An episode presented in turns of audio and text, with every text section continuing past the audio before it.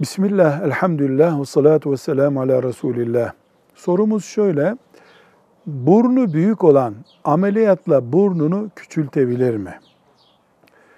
Bu Allah'ın yarattığını değiştirmek, bir tür beğenmemek anlamında sakıncalı bir iştir. Bunu büyük günahlar arasında sayıyor alimlerimiz. Ancak bu büyüklük mesela görme açısını etkileyecekse bu bir arızadır. Ya da sonradan bir büyüme olmuştur. Kemik büyümüştür, nefesi tıkatıyordur, uykuyu engelliyordur. Bunlar arıza.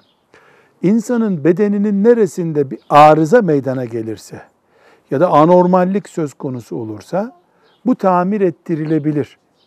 Plastik cerrahi ile de tamirin üstüne düzeltme yaptırılır. Bunda bir sakınca olmaz.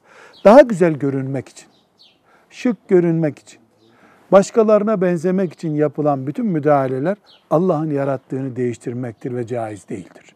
Velhamdülillahi Rabbil Alemin.